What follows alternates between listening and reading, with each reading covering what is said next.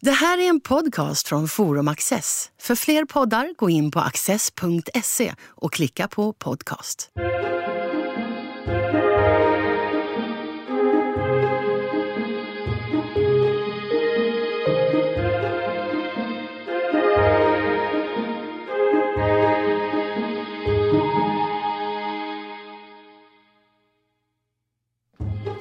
AI-robot läser Twitterinlägg som en människa.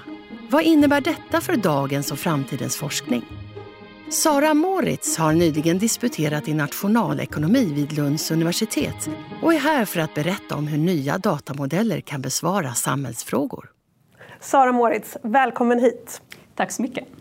Du har använt dig av en AI-robot för att läsa av inlägg på Twitter bara den meningen bäddar ju för väldigt många frågor. Så att vi börjar med en i taget. Vad ville du få reda på? Eh, jag ville få reda på om det blir mindre eller mer könskodat språk efter metoo på svenska Twitter. Eh, min undersökning visar att eh, det blir mindre könskodat språk efter metoo vilket betyder att män och kvinnor beskrivs i mindre utsträckning som just män och kvinnor. Och du är ju nationalekonom och då tänker man direkt på diagram och statistik. Hur kom du på idén att använda AI? Ja, alltså, det vi kallar AI är en, en, komplicer, en mer komplicerad statistisk modell än det vi brukar kalla en statistisk modell. Så det är väldigt närliggande. Och då undrar jag spontant, vad, vad är en robot med artificiell intelligens. Alltså när jag tänker på robot då tänker jag i, i princip på C3PO i Star Wars. Ja. Eh, men det här är ju en helt annan typ av robot. Ja. Vill du förklara? Uh, ja, alltså först så, jag hade ju väldigt gärna att min robot som läser av könskodat språk på Twitter, att den har en fysisk form. Det har den inte. Det är i princip en fil som ligger på min dator. Så det är en väldigt tråkig, liksom, det är en tråkig robot på det sättet. Eh, men i princip en AI-robot är som ett recept, säg ett sockerkaksrecept. Eh, det liksom uppnår ett visst mål. Eh, mitt, min robot läser av könskodat språk. Sockerkaksreceptet leder till en bra sockerkaka. Så det är som ett sockerkaksrecept fast AI-robotar eller modeller tenderar att vara mer komplicerade. Har du själv gjort det här sockerkaksreceptet eller har du haft en programmerare med dig? Eh, nej, jag har gjort det själv. Vad spännande. Hur, hur, hur, hur går man tillväga? I just mitt fall, så det kluriga här var hur ska jag, hur ska jag lära roboten att känna av könskodat språk?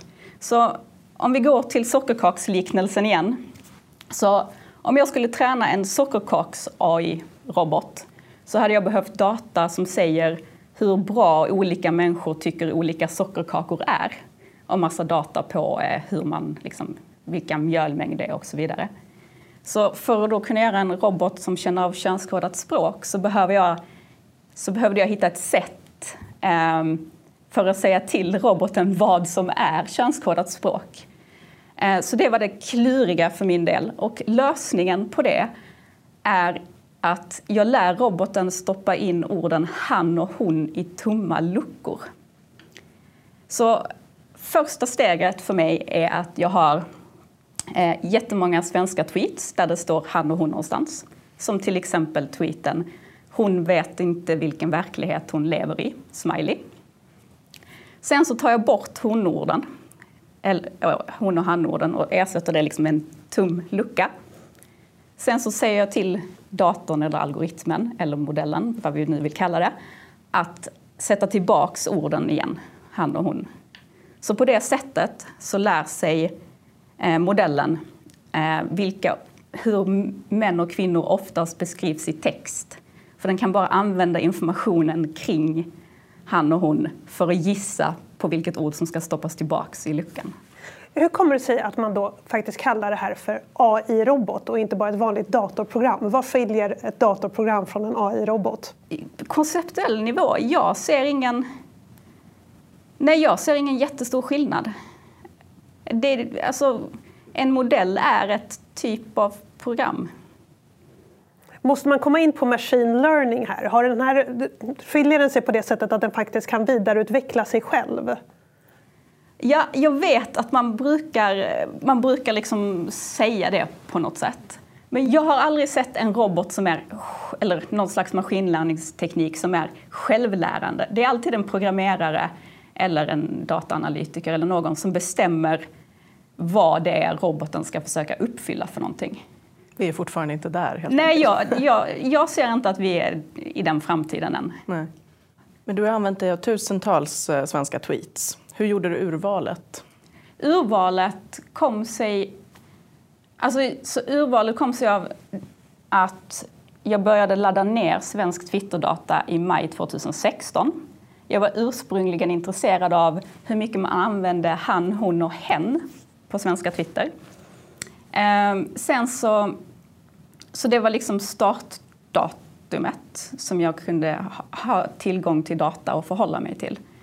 Ehm, och sen efter det så, så liksom urvalet av svenska tweets, det är, jag har alla svenska tweets. Och, och sen så då väljer jag ut de som är han och hon-tweets efter maj 2016. Eh, jag tänker att hade du inte haft här, den här roboten så hade ju din vardag sett väldigt annorlunda ut. Då hade du fått gå in och liksom räkna manuellt. Yeah. Men eh, hur, hur, ser det, hur har din vardag sett ut nu när du ändå har haft den här roboten som har gjort ett ganska stort förarbete åt dig, om man får vara så fräck ja. att man säger Nej, så. Men det, det är det ju. Hur ser arbetet ut till vardags? Hur, hur går du tillväga? Jag kan lösa väldigt mycket så att det blir effektivt och snabbt programmeringsmässigt, som att läsa av könskodat språk i tweets.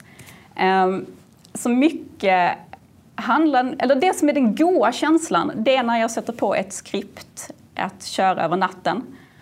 Eh, och sen så kommer man tillbaks till jobbet på morgonen och så kan man se vad som, liksom, då får jag reda på resultaten. Det är en göttig känsla, för det är, det är det jag är nyfiken på. Så det är väl den härliga delen av arbetsprocessen.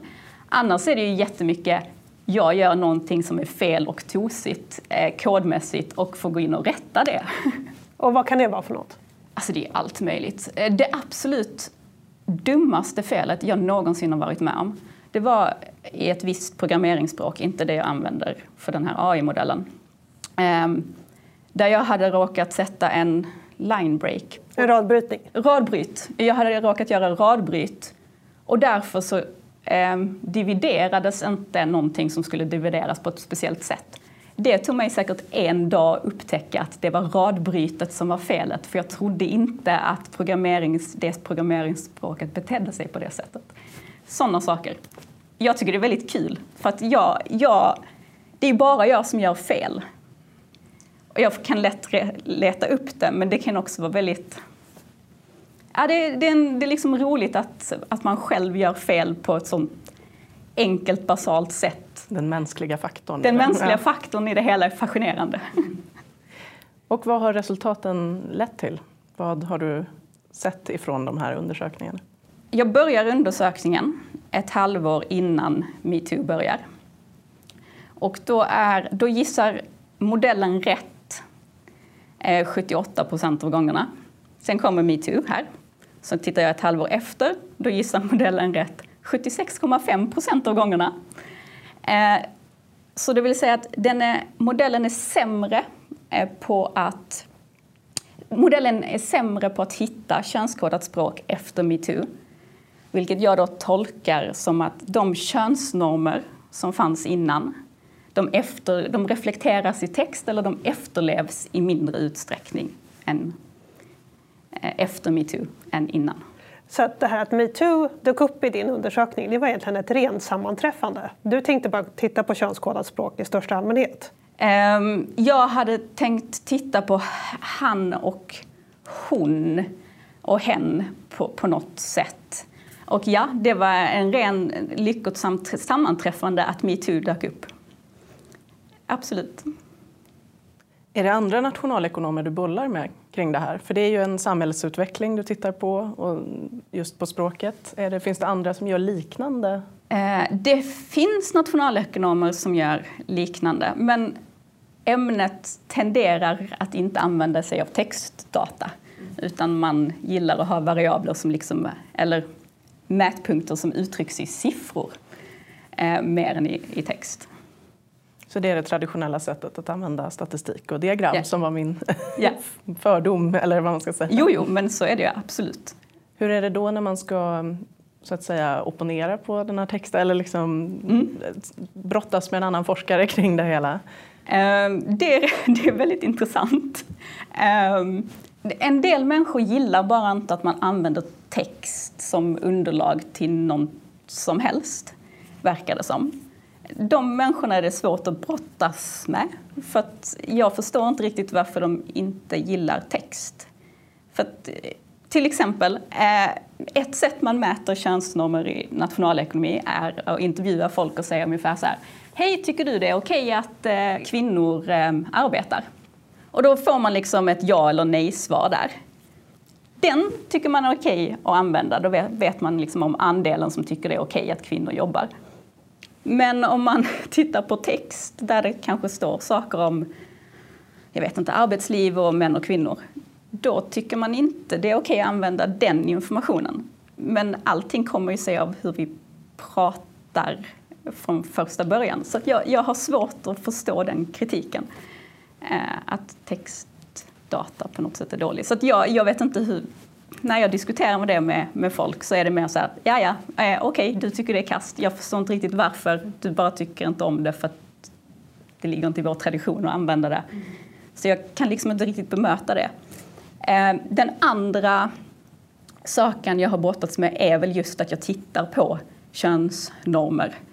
Och då tenderar man i fältet att mäta könsnormer på ett mer de, jag tror folk skulle säga ett mer precis sätt. Du som forskare har mer kontroll över exakt vad du mäter för någonting. Som till exempel den här, tycker du det är okej okay att kvinnor arbetar? När jag gör den här modellen som känner av könskodat språk så skapar den ju en mycket, mycket mer mångdimensionell eller finmaskig definition av könsnormer. Och det kan andra forskare tycka är väldigt obehagligt. Liksom, vad mäter du egentligen? Eh, och den tycker jag är rätt så lätt att bemöta, för det är väldigt det är enkelt. Jag, jag mäter helt enkelt hur män och kvinnor oftast beskrivs på svenska Twitter. Ja, nu vill jag ställa faktiskt samma fråga. ja, vad är det du mäter egentligen? Vad, vad, lär oss, vad lär vi oss av det du har kommit fram till? Jag får lite känslan av att du på något sätt mäter mänsklig komplexitet i siffror. Ja, det är väl en rätt så bra sammanfattning. Så vad lär vi oss av det du har kommit fram till? På, får jag svara det på en övergripande nivå och sen så ner till, till nästa? Eh, så på den övergripande nivån så lär vi oss en liten, liksom det är ett litet bidrag till hur snabbt kan normer förändras? Eller mer specifikt, hur snabbt kan könsnormer förändras? Eh, och det vi lär oss där är att okej, okay, eh, på svenska Twitter vid den här väldigt ovanliga händelsen metoo, där verkar könsnormer ha förändrat sig tämligen snabbt ett halvår efter. Det finns väldigt mycket begränsningar här. Vi kan inte generalisera det till Sveriges befolkning. Vi kan inte generalisera det till andra händelser än metoo. Och dessutom tittar jag bara ett halvår efter, så vi vet bara vad som händer på liksom en kort tidsrymd. Så det är vad vi lär oss. Det är ett bidrag om hur normer förändrar sig. Sen så tror jag att din fråga var mer på den här detaljnivån. Men vad är det egentligen du mäter för någonting? Och om jag hade, tagit en, om jag hade satt en människa, om jag hade haft en forskningsassistent som hade tittat på jättemånga tweets och sagt eh, den här eh, tweeten den verkar handla om en man, den här verkar handla om en kvinna och så vidare. Och sen så hade så hade jag gått och tittat, ah, stämde hans eller hennes gissning, den här forskningsassistenten? Det är, det är vad roboten gör och vad jag därför mäter. Så de mönster som finns i språket, till exempel eh, om jag tänker på en kvinnlig, eller en, en sjuksköterska av kvinnligt kön, säg att jag då skriver ner sjuksköterska om jag tänker på en sjuksköterska av manligt kön, säg att jag då skriver ner manlig sjuksköterska. Då har vi ett mönster här om sjuksköterska och kvinnor och män. Modellen lär sig alla de här mönstren. Och sen så använder, och sen så tittar jag på om samma mönster finns kvar eh, efter metoo som fanns innan. Så du menar alltså att efter metoo så blev det vanligare att bara säga sjuksköterska och så fick folk koppla själva huruvida det var en manlig eller kvinnlig? Det, just i det här fallet vet jag inte. Jag Eh, drar till med det fallet. Ja, jag har, jag har ett exempel som jag vet stämmer. Så innan metoo, eh, alltså när jag, jag tränar modellen på data som är eh, här borta. Sen här kommer ett halvår innan metoo och sen så ett halvår efter här.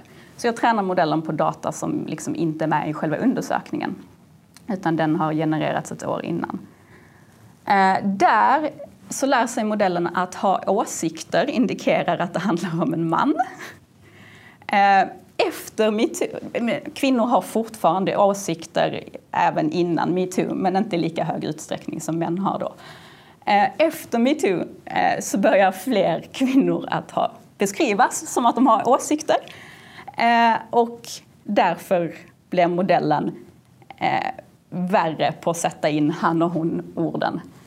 Och det, är där, det här är ett exempel på vad då, när jag säger att man, de mönster som modellen har hittat innan, de finns inte kvar i samma utsträckning, så är det här ett exempel på det. Har du haft nytta av det här eh, arbetssättet i annan del av din forskning? Har Nej, du, Det, har bara, det har varit för ett specifikt avhandlingskapitel eller en specifik artikel.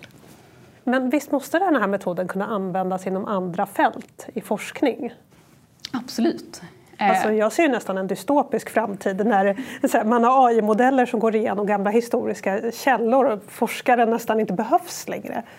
Fast det tror jag att många forskare kanske tycker är rätt skönt. För att, För då får man analysera Ja. resultaten bara istället. Men finns det inte en risk att väldigt mycket går förlorat? eh, jo, det gör det. Alltså, du får ju vara smart med hur man använder sådana här modeller. Jag kommer på en sak. Jag har varit nere och tittat på taxeringslistor från 1800-talet. Eh, och om jag säger att jag hade gjort en robot som bara hade läst av dem för hand och då hade jag antagligen som forskare valt att de bara skulle ta in liksom vad varje människa beskattades för. Då hade jag missat saker som att en del människor heter i de här taxeringslistorna, eh, vad heter de, så här eh, familjen eh, Larssons söner. Och då förstår ju jag som forskare att det här refererar ju inte till en person, det refererar till många personer. Så att, ja, om man bara låter liksom blint någon robot göra någonting, då kommer man som forskare missa saker som kan vara viktiga för forskningen. Men å andra sidan kan andra saker underlättas. Ja. Så min fråga är, borde fler fält använda sig av AI-robotar?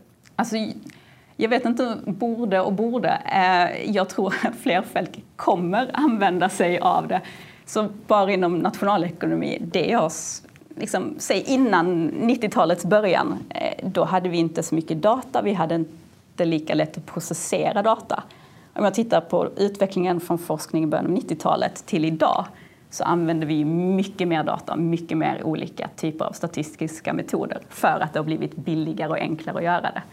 Så jag tror ju att AI-aktiga modeller kommer att användas inom fler forskningsfält i högre utsträckning. Och det här känns lite som en ny generation forskare på sätt och vis. Och jag tänker också att det är när man har vuxit upp med datorer på ett annat sätt än vad man gjorde tidigare. Ja. Ehm, och att du klarar av att skapa en sån här modell själv eh, utan att vara programmerare. Ehm, jag undrar bara, är det så i alla fält? Kommer, kom, eller kommer man behöva en programmerare som assisterar vid eh, AI-modellframtagning? Jag har svårt att svara på det för att eh, jag ser ju bara nationalekonomi. Ehm, och där så skulle jag säga att hoppet till att, alltså det är ett ämne som använder data, att liksom använda data utan att programmera, det är ju, alltså det, det blir väldigt ineffektivt. Eh, så det kommer ju, ämnet kommer ju programmera mer och mer i sig själv. Sen andra ämnen, det, det, jag har svårt att svara på det, men troligtvis ja. Har du, har du tagit hjälp av... Nu, du sitter i Lund, eller har jobbat med det här i Lund. Är det, är det specifikt för Lunds nationalekonomi? Eller är det en insamling, liksom, som, eller AI-användning som finns över hela Sverige? Eh, nej, det är nog rätt specifikt för mig. Ja. Men hur började din resa in i det här egentligen? För då, du kan programmera på en så pass avancerad nivå att du kunde göra det här. Vad, vad, vad är bakgrunden? Hur trillade du in här? Min egen resa började när jag läste masterprogrammet. Då, eh, det var första gången som jag eh, skrev kod i ett, eh, nu ett statistikprogram som nästan bara nationalekonomer använder. Um, och det tyckte jag var jättekul. Alltså jag tyckte det att skriva kod var det roliga. Eh, in, mycket mer än, än kanske andra delar i processen. Eh, så sen dess så har jag väl bara lärt mig mer och mer själv helt enkelt. Så det, det, finns liksom i ämnet idag. Jag har kanske bara dragit det lite hög, högre växel än, än vad andra gör. Eh, dagens insnöade fråga vilket språk är det man lär sig att koda i på när man läser nationalekonomi? Eh, man lär, alltså det är inget språk, eller jo det kanske är, jag vet, det är ett, det är ett software package, ett, en programvara, en mjukvara som heter Stata. Eh, som, eh, det liknar vad man i andra socialvetenskaper använder SPSS. Eh, och liksom mer tekniska, de använder MATLABs. Men att steget är så kort, alltså mellan att börja läsa någon typ av lite programmering och sen kunna bygga artificiell intelligens. Det finns ingen bra definition på vad som är artificiell intelligens, så det är någonting som vi upplever som intelligent. Och när man har de här jättestora mängderna, att göra det, det liknar mer klassisk statistik oerhört mycket. Så hoppet till att göra det är inte så stort. Det blir bara väldigt mycket roligare liksom, resultat av det. Mm. Kommer andra till dig nu och, är, och vill eh, lära sig det här? Eller är, är, det liksom, är det en språkbarriär så att säga med att du har tittat just på språk och inte siffror? Nej, det kommer andra och tycker att det här verkar ju vara... Eh... Framtidens forskning. ja, hur det verkar vara användbart. Hur anpassningsbart är ditt program? Det som jag har, alltså den här modellen, som, ja. den är inte alls anpassningsbar överhuvudtaget. Den är bra på att läsa av könskodat språk på svenska Twitter. That's it. Den är inte bra på någonting annat egentligen. Var det självklart att det var Twitter som du skulle titta på? Mm, alltså, nej, inte alls. Det är för att jag har datatillgång till Twitter. Mm. För den är mer öppen än Facebook till exempel och ja. andra sociala medier? Det finns väldigt mycket forskning just på Twitter av den anledningen. Så du har, du eh, andra andra som har tittat på Twitter? Eller är det, är det din forskning som är först med att just titta på som samhällsfenomen för en nationalekonom att titta på? Oj, bra fråga. Jag vet inte. Jag har inte liksom undersökt om folk tittar på Twitter specifikt och vad man tittar på. Eh, så det, det, det vet jag inte. Men urvalet av människor som skriver på Twitter, Jaha, ja. det är också Visst är det lite mer folk som är samhällsintresserade, som håller på med politik? Mm, det, det är fördomen, eller, och det, den har jag också. Eh, så den först, först och främst, Twitter är inte representativt för folk flest i Sverige. Eh, vi vet att det är mer manliga användare och att de är yngre, till exempel. Eh, så så det vet vi. Eh, sen om de är mer eller mindre politiskt aktiva, det, det, det har jag ingen information om. Utan det är vad man ja, hör. Tack Sara. Tack själv. Nationalekonomer har en lång tradition av att använda data för att besvara samhällsfrågor. Vi har pratat om hur sådan data kan samlas in av artificiell intelligens. Framtiden tycks redan vara här. Tack för att ni har tittat.